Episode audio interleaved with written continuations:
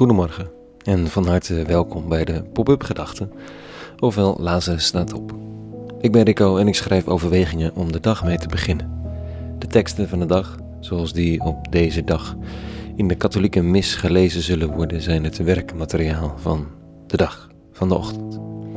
Het is elke keer weer een verrassing wat en of er iets uit opduikt. Vandaag dit. Vertrouw op niemand. Pop-up gedachte donderdag 4 maart 2021.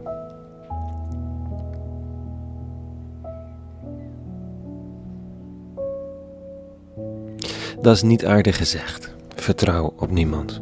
Het is net niet hetzelfde als vertrouw niemand, maar het komt toch behoorlijk dicht in de buurt. Het is juist essentieel dat spiritualiteit ons leert hoe te durven vertrouwen, toch? Hoe je te durven toe te vertrouwen, hoe het risico te nemen. En als je erdoor beschadigd wordt, hoe weer te helen.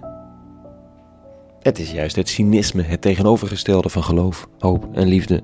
Dat zou zeggen: vertrouw op niemand, het zijn allemaal klootzakken. Je moet het allemaal zelf doen, door roeien en ruiten, pak wat je pakken kan. Het leven is kort. Hmm, wie zou dat dan zeggen, vertrouw op niemand? Nou, vanochtend niet een van de minste, de profeet Jeremia. Goed, niet de vrolijkste onder de profeten. We hebben in de Nederlandse taal zijn spreektrand spreekwoordelijk gemaakt. Als we het hebben over klagende mensen, want zij jeremiëren. Bij zo'n profeet ontdek je weer dat het verhaal van het Jodendom, wat voor christenen zijn vervulling vindt in Jezus van Nazareth, dat dat geen doorsnee spiritueel liefdevol hou allemaal van elkaar verhaal is. Het is politiek, het is aards, het is grof en ingewikkeld. Het kan huizenhoog juichen over wat er gebeurt in de geschiedenis of over de hoop. En diep vloekend klagen over de ellende die plaatsvindt door medemensen, door de hand van de eeuwige of door het eigen gedrag. Vandaag zegt Jeremia dit. Zo zegt de Heer, vervloekt is hij die op mensen vertrouwt, die steunt op een schepsel en zich afkeert van de Heer. Hij is een kale struik in de steppen. Nooit krijgt hij regen. Hij staat op dorre woestijngrond in een onvruchtbaar verlaten gebied.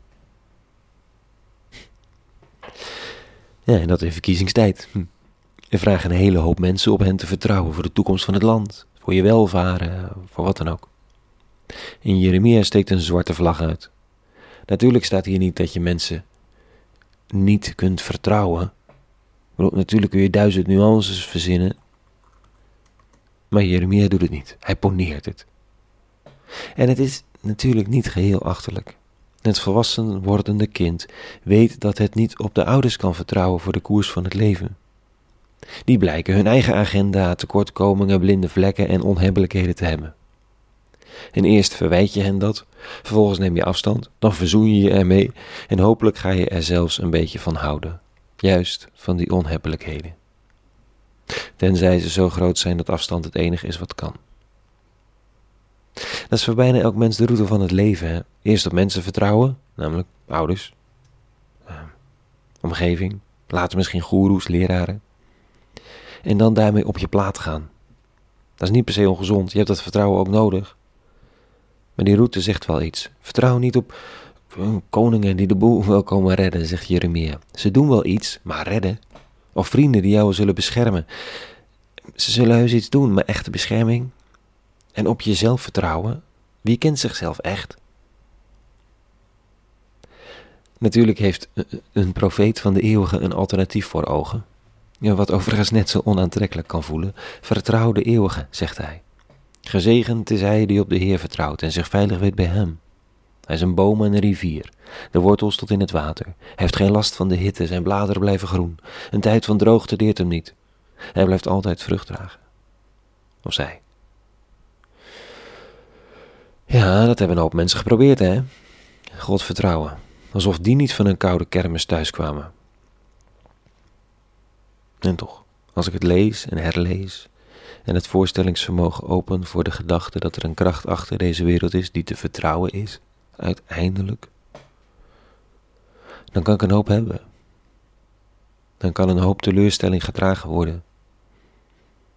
Dan kunnen mensen tegenvallen zonder dat mijn wereld instort belangrijker misschien nog, dan kan ik zelf tegenvallen zonder dat ik instort. Want er is iets groters. Dat draagt veel groter. Het lijkt een wankele basis, zo onzichtbaar als wat. Maar niet veel wankeler dan de gok dat ik het wel zelf allemaal weet en zal redden. Dan moet ik het ook weten en mezelf redden. Of dat een ander het moet weten en me zal redden. Het is een ontnuchterende zwart-witheid van een profeet die met zijn poten in de modder wil staan, zonder de moed te verliezen. Tot zover vanochtend. Een hele goede donderdag gewenst en vrede. En alle goeds.